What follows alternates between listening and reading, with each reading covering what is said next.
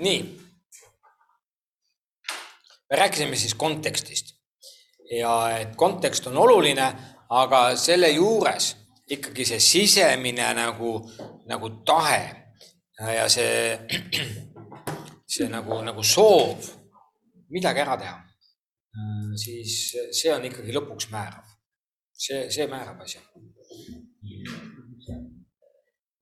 nii, aga räägime siis sellest kontekstist, kus siis meie tänapäeval tegutseme. kus meie tänapäeval siin Eestis ja võib-olla laiemalt ütleme ka laene kultuuriruumis tegutseme ja, ja kontekst ei ole ainult füüsiline, kontekst on ka vaimne. kontekst on ka teatud eluvaated, uskumused, sellised veendumused, mis inimestel ka ühiskonnas laiemalt on. ja see, mis iseloomustab meie nii-öelda ka sellist ühiskondlikku konteksti, on sekularism. ma kohe selgitan seda täpsemalt. sekularism põhimõtteliselt sekularism oma olemuselt tähendab seda, et kirik ja riik on lahutatud. see on nagu niisugune hästi oluline, oluline nagu tunnus sekularismi puhul. see sai kõik alguse valgustuse ajal äh, Prantsusmaalt ja sealt edasi. See termin võeti, sekularism võeti kasutusele pisut hiljem, üheksateistkümnendal sajandil aga selle all, et kirik ja riik on lahutatud, mõeldakse põhimõtteliselt seda, et kirikul ei ole ühiskonnas nagu mingit rolli. et kui te kuulete Eestis ka ja loete ajalehe artikleid, neid arutlusi, siis äh, öeldakse, meil ei ole riigikirikut. Eks ole, ja see on õige, meil ei ole riigikirikut, ametlikku ühte kirikut nii-öelda riigiga seotud. aga selle all mõeldakse ka seda, et kirik ei tohi nagu üldse riigi asjadesse oma nina pista. ja need on kaks ise asja, olla riigikirik ja mitte osaleda ühiskonnaelus või osaleda ühiskonnaelus. Need on kaks erinevat asja. aga sekularism kui vaade on väga-väga levinud tänapäeva Euroopas. Mm, ja eriti just Euroopas. nüüd see termin kui niisugune Äh, tähendab või tuleb õieti ka veel sellisest äh, mm, prantsuskeelsest sõnast. Äh, ma ei hakka seda ütlema, ma ei ole prantsuse keelt õppinud ja ma kindlasti ei häälda seda õieti. aga, aga põhimõtteliselt see tähendab eraldatust. Ja algselt see termin tegelikult hoopiski tähendas seda, et, et kirikus eraldati ilmikliikmed ja vaimulikud siis seesama termin kandus üle kiriku ja riigi vahelisele eraldatusele.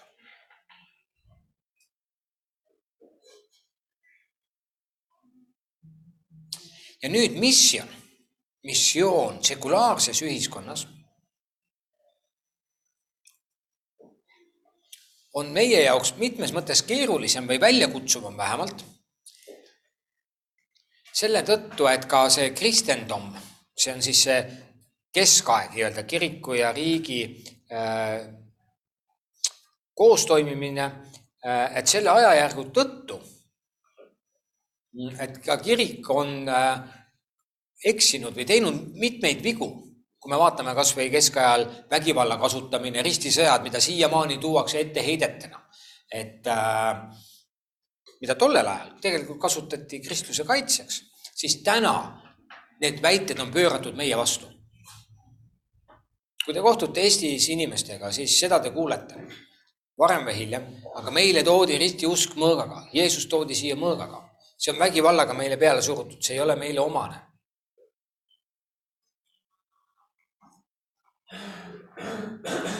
Ja selles mõttes nüüd seesama Leslie Newbegin, jälle väga huvitav inimene, kahekümnendal sajandil olnud missionär.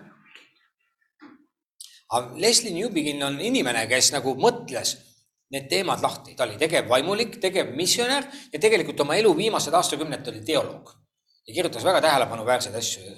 nii et kellelgi huvi on, tahate kunagi oma lõputööd teha, siis äh, mingi missiooni teemal, siis tõenäoliselt selle tegelasega te kokku puutute. ja tema siis ütlebki niimoodi, et me peame läänes uuesti Jeesuse lugu lahti rääkima ja seda kehastama oma eluga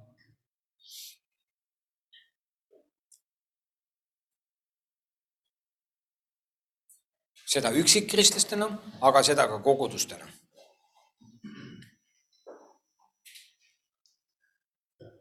nii et see väline keskkond, kus me täna kogudusena asume, seab meile väljakutse äh, toime tulla, kuidas ületada selle sekularismi väited ja tuua siis nii-öelda inimesteni Jeesus sellisel viisil, et nad tahavad teda.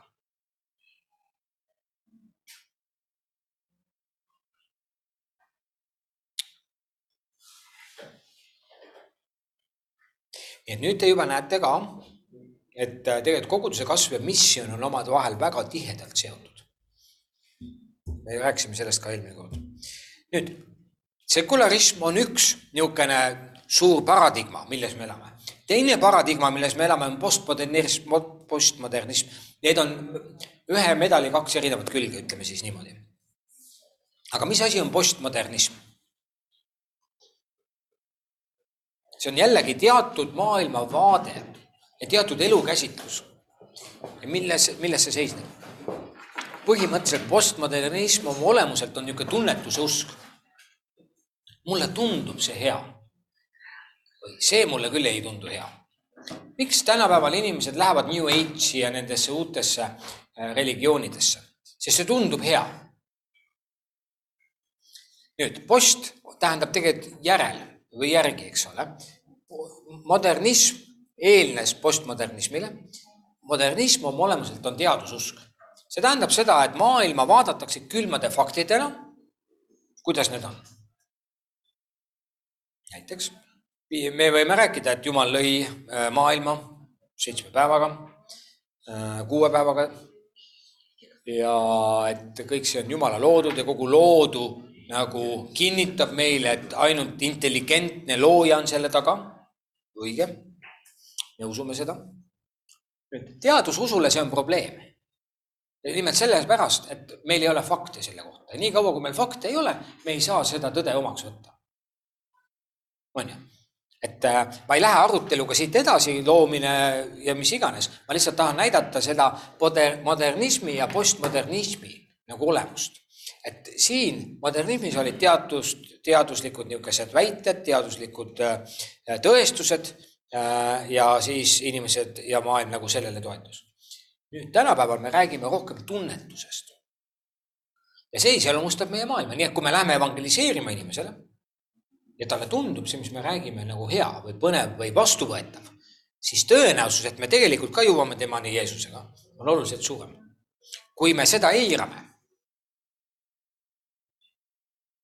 siis võime, võime lihtsalt äh, teha tühja tööd. postmodernism oma olemuselt on tõejärgne ühiskond, et kui teaduses oli tõde, nii-öelda see kriteerium, siis tõejärgses ühiskonnas ei ole olemas absoluutset tõde, on tunnetus. mulle lihtsalt tundub nii. ja sellepärast igast vaimsed praktikad ja niisugused vaimsed erinevad äh, tegevused äh, levivad nii kõvasti. ei loe, ei loe seda, et kas, kas see nagu, kas see nagu on ka tegelikult õige. loeb lihtsalt see, et mulle tundub see hea ja ei ole ühte tõde.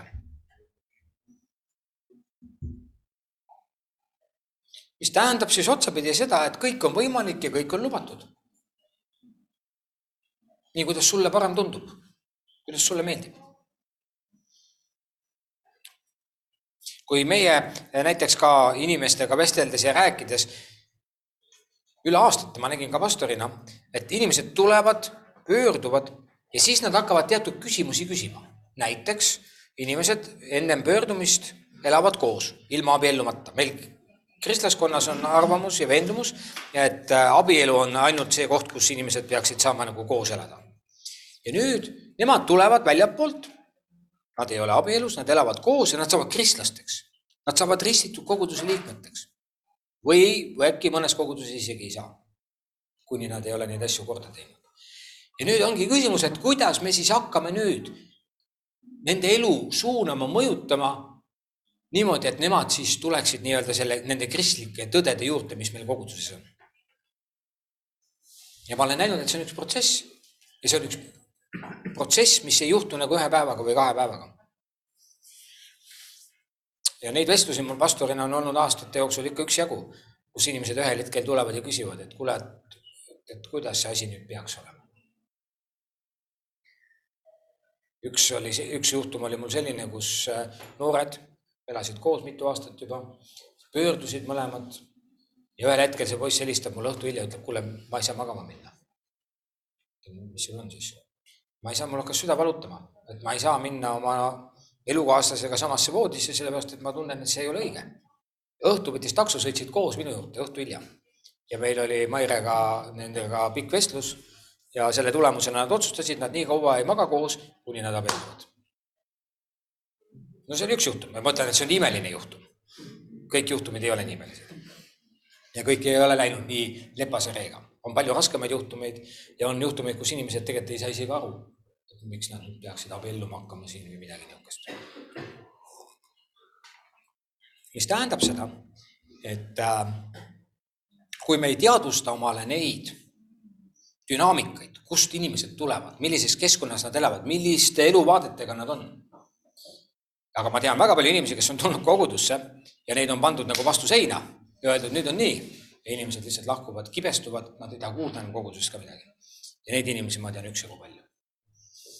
nii et siin peab olema väga nagu ettevaatlik ja selles mõttes selline pastoraalne hool inimestest on nagu hästi oluline, eriti nende algusfaasis, kui nad tulevad sest koguduses enam ei ole kõik lubatud ja kõik ei ole võimalik. on nii? küsimus on, kuidas me seda nüüd korraldame ja kuidas me ehitame seda silda niimoodi, et nad nagu tervelt jääksid kristlasteks ja samal ajal nagu kogudus saaks oma väärtuste juures nagu edasi seista, nii et äh, see on väljakutse. tunnetusideed, kontseptsioonid iseloomustavad siis postmodernismi tunnetus, no see kõik on seotud niisuguste vaimsete äh, praktikatega just paljuski.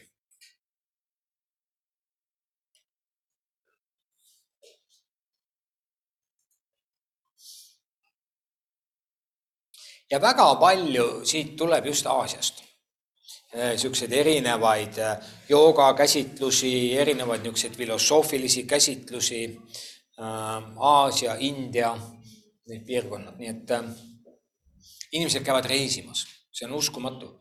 inimesed käivad reisimas, nad käivad igasugustes templites, nad sealt võtavad kaasa, istuvad mingites pimedates koobastes, tegelevad igasuguste vabastavate hingamistega ja nii edasi ja nii edasi, see pudru on nagu väga kirju. ja nüüd need inimesed jõuavad ühel hetkel kogudusse.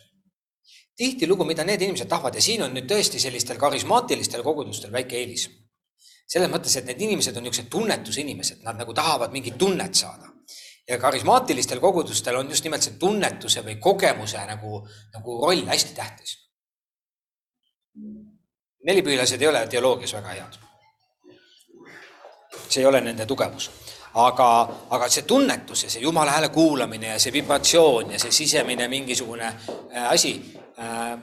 nüüd need inimesed tulevad ja nad võivad seda saada sealt nüüd oht on selles, et kui kogu nende elu hakkabki ainult selle peal baseeruma, sest et kristlik elu on rohkem kui ainult tunnetus. see on ka oma elu nii-öelda samale joonele viimine Jumala sõnaga, see on äh, nii-öelda sõna alusel elama hakkamine, kus sa tegelikult praktiseerid oma kristlust nagu ka igapäevases elus. sest et siin nendes praktikates meeleparandust ei ole. mingit elumuutust sa ei pea tegema, sa lihtsalt võtad selle vastu ja ujud sellega kaasa.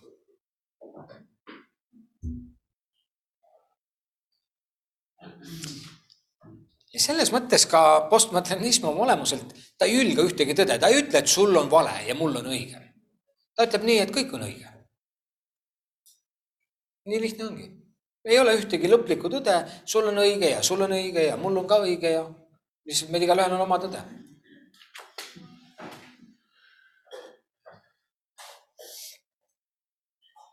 ja nüüd, kui sa sellistele inimestele nagu hakkad esimesena nagu äh, panema nagu oma tõdesid ette ja ütlema, et nii on.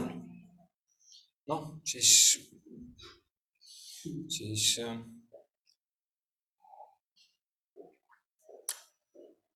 see ei tähenda, et me ei ütle, mis tõde on või mida me usume. Äh, aga see tähendab seda, et, et selleks peab olema selles suhtes nagu soodne pinnas, et see inimene nagu on valmis seda tegelikult ka kuulama.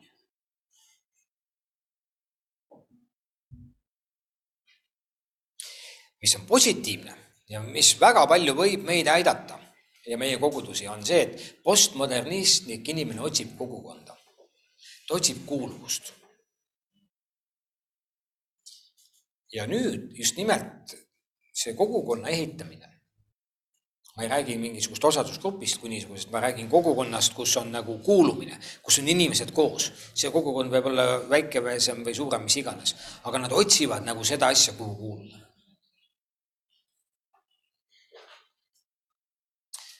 et siis siin on meil väga suur võimalus. ja kogukond viitab suhetele, mis tähendab, et suhted inimestega on kõige tähtsam. ma olin, ma olin kunagi noor pastor, ma mäletan. Äh, ja siis äh, ma olin abipastor tollel ajal ja üks koguduse liige sai mulle kuidagi väga armsaks, me saime väga armsateks, lähedasteks ühe, ühe, ühe prouaga, ta elas Lasnamäel. ja tema käis ka kunagi, meil oli meie kirikus niisugune noorte kristlaste klass ja ta käis seal ka ja siis ta oli ka õpetaja ja ühel hetkel ta käis ikka minuga vahest nõu pidamas ja rääkisime ja ta hakkas oma kodus seda tegema, Lasnamäe korteris. ja siis ühel hetkel kuidagi ta kutsus mind sinna, ütles, et tule ka vaatama. ja mingil ajal ma ei näinud teda üldse kirikus ja siis ta jälle ilmus välja, ma küsisin, no kuidas sul siis läheb ja kus sa oled olnud ja ta ütles, et mul on pühapäeva hommiku ja inimestele kõige parem sobib pühapäeva hommik et ma võtan nad kokku ja selle asemel, et tulla kirikusse istuda siin, ma teen hoopis seda asja seal oma kodus. sest see, see on inimestele kõige sobivam aeg. ma mõtlesin, vau. ja miks mitte, et, äh, et me oleme keskendunud ja meie nagu tähelepanu hästi palju on selle pühapäevase või nädalavahetuse jumalateenistuse peale, see jumalateenistus peab saama peetud. ja see on õige, see on üks meie nagu oluline väärtus. aga samal ajal äh, inimesel oli missioon ja ta sai midagi teha, mis nendele inimestele sellel ajal sobis ja mina ütlesin, et sa oled tubli. ütlesin, ma toetan sind, kuidas ma iganes saan ja oskan. et see ei tähenda, et me kõik laguneme laiali ja hakkame igal pool tegema pühapäevase teenistuse ajal oma asja. aga, aga siin on nagu mõttekoht. et kuidas me teenime kogukonda ja kuidas me tegelikult jõuame inimesteni et mõnes kohas võib-olla me peaksime oma niisugused dogmad, mis meil on kujunenud, nagu kõrvale panema ja vaatama, mis tegelikult toimub.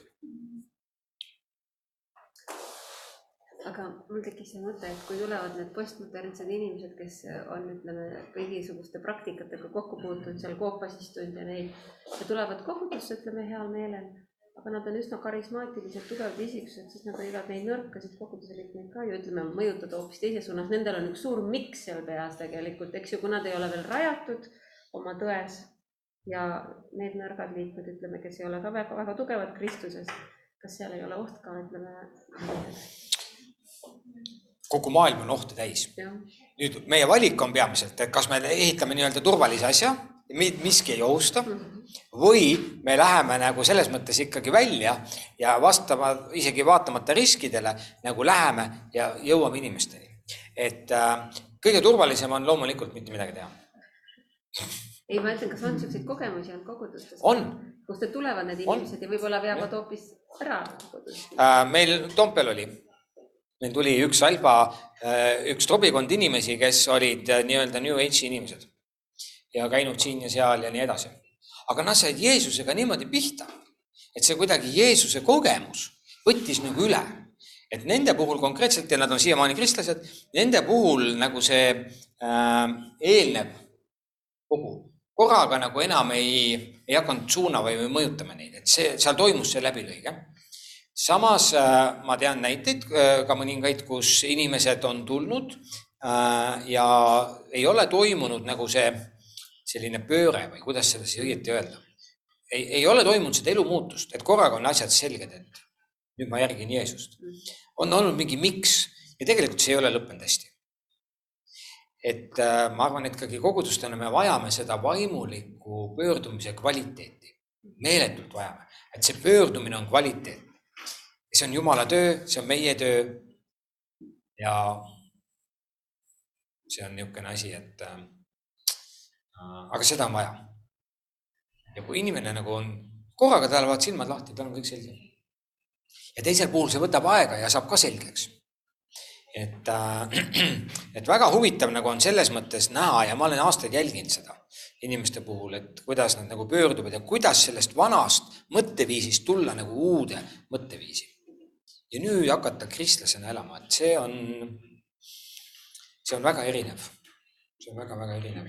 ja kuidas kogudust kaitsta siis, kui mingid inimesed on kuidagi natukene noh, veel mitte nii küpsed Kristuses. jah, siis tuleb vahele minna ja selles mõttes ka hoida ja võib-olla mingil hetkel mitte veel kokku lasta kohe. sest et mina olen näinud teistsugust ohtu, ma olen näinud, kuidas käsumeelsed kristlased ja niisugused nagu kristlased, kes teavad, kuidas asi käib, kuidas maailm toimib, tahavad hakata nüüd nendele inimestele, kes alles on tulnud, pähe istutama täpselt neid tõdesid, mida nemad juba aastakümneid teavad. ja seda ma olen küll näinud, et see võib väga palju ära lõhkuda. et mõlemad, mõlemat pidi ohud. mõlemat pidi on ohud, jah, see ei ole ainult ühesuunaline.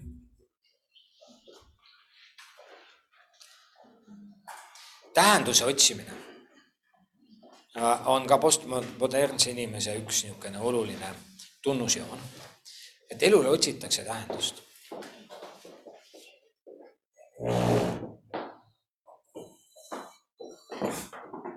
see tähendus on suurem kui mina see on mingi suurema asja või idee ees seismine.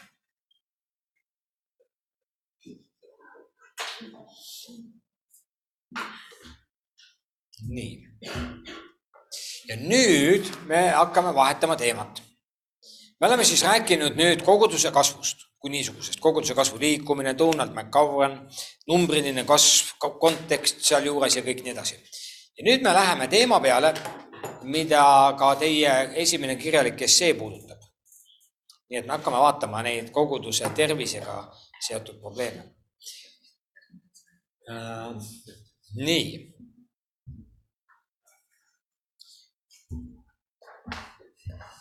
nüüd koguduse kasvu liikumine kahekümnenda, ma teen selle niimoodi siia tahvli peale korraks, ütleme niimoodi, et siin on see ajatelg siin on tuhat üheksasada viiskümmend viis. siin oleme meie praegu kaks tuhat kakskümmend kaks. ja nüüd äh, siit hakkas see koguduse kasvu liikumine, koguduse kasv hakkas siit nagu minema ja kuskil niimoodi tuhat üheksasada üheksakümmend, isegi juba natukene varem, aga ma panen praegu sellise nagu daatumi siia. siit hakkas kooruma välja kriitika selle koguduse kasvu liikumise suhtes ja see kriitika on, ma kohe näitan teile. esimene kriitika on see, et kogu rõhuasetus on ainult numbrilisel kasvul. ja see seisnes selles, et, et pastorid hakkasid tundma ennast nagu sunnitud, et nad peavad saavutama numbrilist kasvu. Ühesõnaga, kogu asja eesmärk on ainult kasv. ja vinti keerati üle selles mõttes, et sa oled ainukene väärt pastor siis, kui su kogudus kasvab. ja seda kasvu mõõdeti siis arvuliselt, eks ju. teine kriitika selle koguduse kasvu liikumise suhtes oli see, et, et see oli nii metodoloogiline, tehniline. mõõdeti andmeid, koguti andmeid, analüüsiti, tehti järeldusi, strateegiaid ja kõik niimoodi. eks ole, nii et see on nüüd kriitika selle suhtes, mida me siiamaani oleme rääkinud. ja sellest kriitikast kasvab välja see uus asi seepärast ma näitan kriitikat ka teile.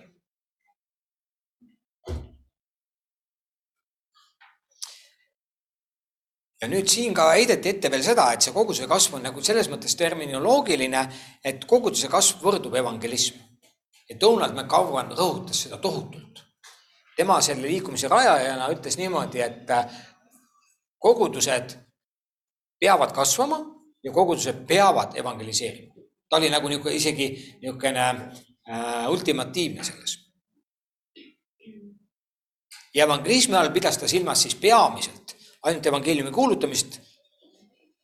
kuigi ta hiljem nõustus ka, et sotsiaaltöö ja muud asjad võivad seda toetada.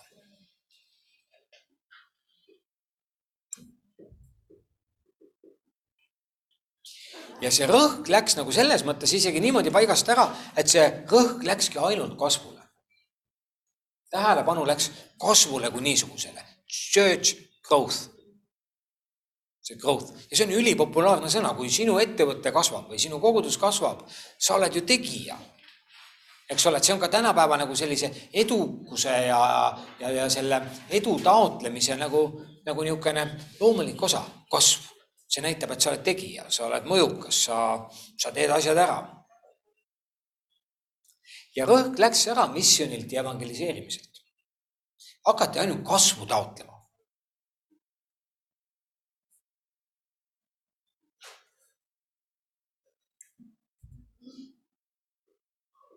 siis veel üks kriitika selle liikumise suhtes oli, et puudus teoloogiline sügavus. ühesõnaga, asi jäi teaduslikuks, uuriti nagu teaduse meetoditega kogudusi ja, ja kõik niimoodi, aga, aga jäi puudu selline teoloogiline käsitlus selle kõige juures. ja Donald McCaugan oma olemuselt ei olnud teoloog, ta oli tegelikult missionär ja ta oli pigem äh, selline teadlane, missionär kui, kui teoloog. kui siis võib-olla heal juhul praktiline teoloog. Ja nüüd see põhiline etteheide siin ongi, et numbrid on tähtsamad kui koguduse tervis.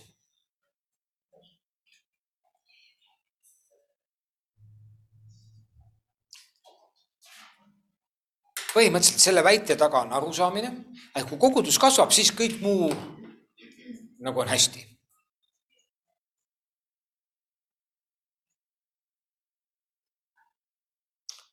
koguduse tervise käsitlus, mida me kohe rääkima hakkame, väidab vastupidist.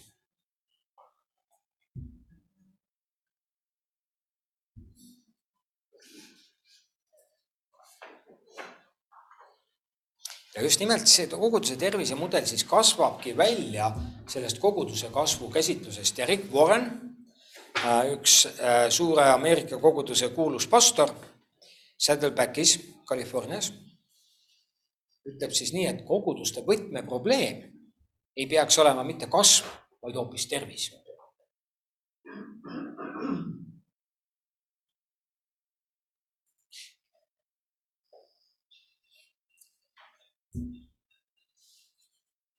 ta sõnastab põhimõtteliselt viis ülesannet nii-öelda koguduse tervise saavutamiseks esiteks armasta Jumalat.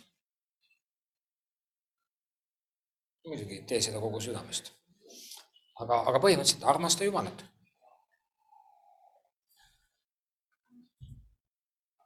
teiseks, armasta oma ligimest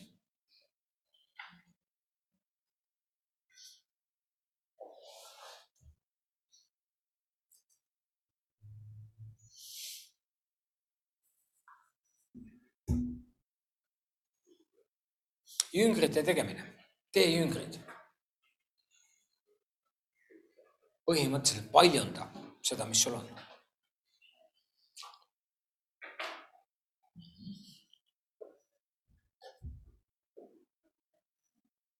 risti neid. ja viimaseks õpeta neid. ja need punktid toetuvad nendele kirjakohtadele, mis siin on eelnevalt toodud.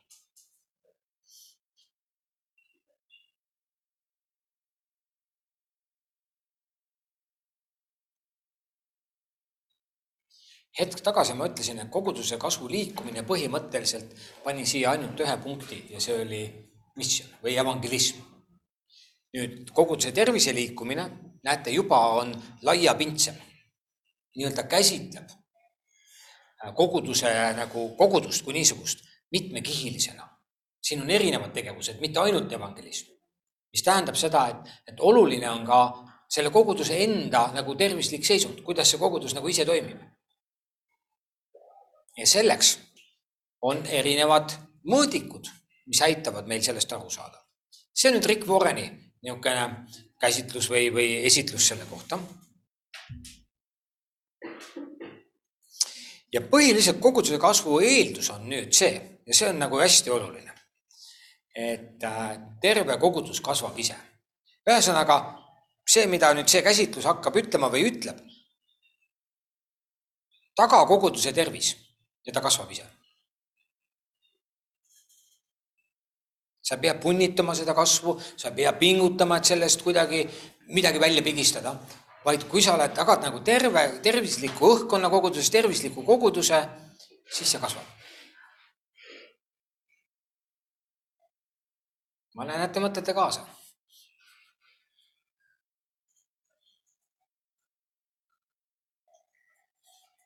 no nii, lähme siit natuke edasi veel. ja nüüd ma tahan teile tutvustada seda kaheksa osalist asja, mis puudutab ka teie esseed. aga räägime sellest natukene siis nüüd kõigest lähemalt. Kristjan Schwarz, sakslane, töötas välja koguduse tervise testi. see on raamatuna ilmunud eesti keeles Koguduse loomulik kasv ja ta ütleb niimoodi, et kogudus on kaheksast kvaliteediomadustest või kriteeriumist koosnev organism. see raamat on, ma arvan, siin raamatukogus saadaval, üldiselt see on läbi müüdud ammu. Aga, aga niimoodi ta on ja nüüd need kaheksa kriteeriumit on. esiteks volitav juhtkond. kõik need kriteeriumid ma käin teiega läbi, vaatame sinna sisse. aga ma praegu tutvustan need kaheksa ära teiseks, andide põhine teenimine. kolmandaks, innukas vaimsus.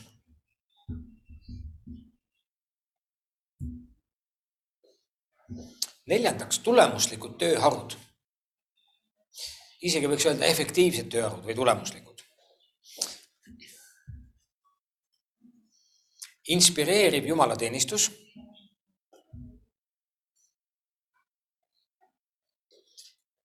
mitmekülgsed väikegrupid.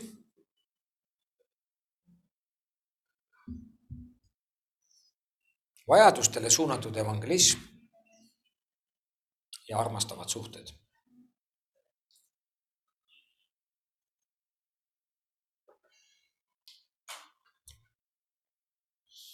nüüd, kui koguduse kasvu käsitluses peamiselt oli evangelism, see peamine nii-öelda kuidas öelda, tunnus või, või, või, või asi, mida taodeldi, siis nüüd koguduse tervise käsitluses me korraga näeme, oi, see pilt on palju rikkalikum, siin on palju rohkem aspekte,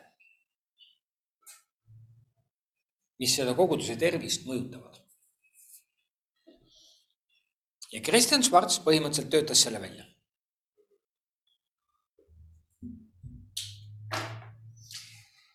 kes on eestlased, te võite selle kodulehekülje võtta. kla.ee ja seal te leiate selle koha.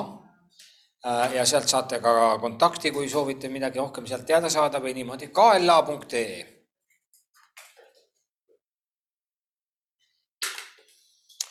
ja põhimõtteliselt igal kogudusel on võimalik selle lehekülje kaudu äh, taodelda oma kogudusele nii-öelda nende kriteeriumite nagu testimist.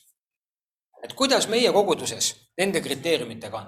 see test on olemas, Kristjan Schwarz on selle välja töötanud ja see on kõik ka Eesti kogudustele põhimõtteliselt võimalik. et kui me ennem rääkisime koguduse kasvu mõõtmisest läbi numbrite, siis nüüd koguduse tervisemudel uurib kogudust läbi nende kriteeriumite.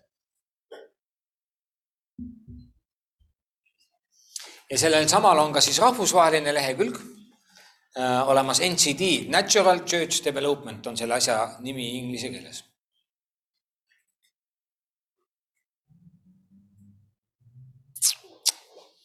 nii. nüüd KLA ülesehitus. ma näitan teile seda äh,. Back. It's not in the slide here. Mm -hmm. NCD International Te leiate selle kohta internetis päris palju materjali. kui te lööte sisse Natural Church Development või NCD test, mõned niisugused väärtsõnad aitavad teil jõuda. ja ka eesti keeles koguduse nii-öelda loomulik kasv või koguduse tervis. Eestis on ter see termin tõlgitud siia, koguduse loomulik kasv mm. -hmm. me läheme mõne minuti pärast kohe palvusele või jääme siia, ma isegi ei tea veel, vaatame. Aga põhimõtteliselt nüüd äh, see nii-öelda tervisekäsitlus uurib siis kogudust ja toob niisuguse pildi, et need kaheksa tunnust on nagu, igaüks on üks tünnilaud. et, et kogudus on nagu kaheksalaualine tünn. ja põhimõtteliselt nad mõõdavad siis neid kaheksat tunnust ja vaatavad, milline tunnus on kõige kõrgem ja milline on kõige madalam. ühesõnaga, annavad selle hinnangu. ja näiteks, siin on üks näide lihtsalt, suvaline täiesti, aga, aga ta näitab nagu üldist keskmist. ja siis ta näitab iga nende valdkonna osas, et kus see kogudus on. selle testi ei tee mitte ainult koguduse vaimulik, kes teeb eraldi testi, koguduse liikmed teevad eraldi testi ja siis see pannakse kokku ja siis selle testi tulemused sisestatakse siia keskkonda ja selle tulemusena saadakse need tulemused. sihuke test. ja nüüd Kristjan Schwarz ütleb niimoodi, et kui ta on teinud neid äh,, ma võin nüüd arvudega eksida, mis see number täna on, igal juhul ta on teinud neid kümneid tuhandeid üle maailma ja tema valem mille alusel nii-öelda need tulemused arvutatakse, arvestab ka globaalseid eripärasid, Euroopa äh,, Aafrika, Ameerika, ühesõnaga, et selle sees on ka see kontekstuaalne pool kõik. ja nüüd on niimoodi, et ta ütleb, et kui see siin on kuuskümmend viis, ahah, väga ilus. kui see number on kuuskümmend viis, siis ta ütleb niimoodi, et tõenäoliselt siis teie kogudus on kas kasvav või sellel on potentsiaal kasvada kui see tuleb alla kuuekümne viie keskmine, siis tuleb nagu vaadata. kui mõni asi on nagu väga all, nagu näiteks siin on leadership ehk juhtimine, siis see viitab sellele, et see on teema, millele tuleks panna tähelepanu ja sellega tegeleda. ja ta ütleb niimoodi, et need tünnilauad, et vesi läheb välja kõige madalamast tünnilauast. et kui nüüd üks nendest kaheksast tunnusest on madalam, siis see on, kust vesi läheb välja. ja sellega tuleks tegeleda.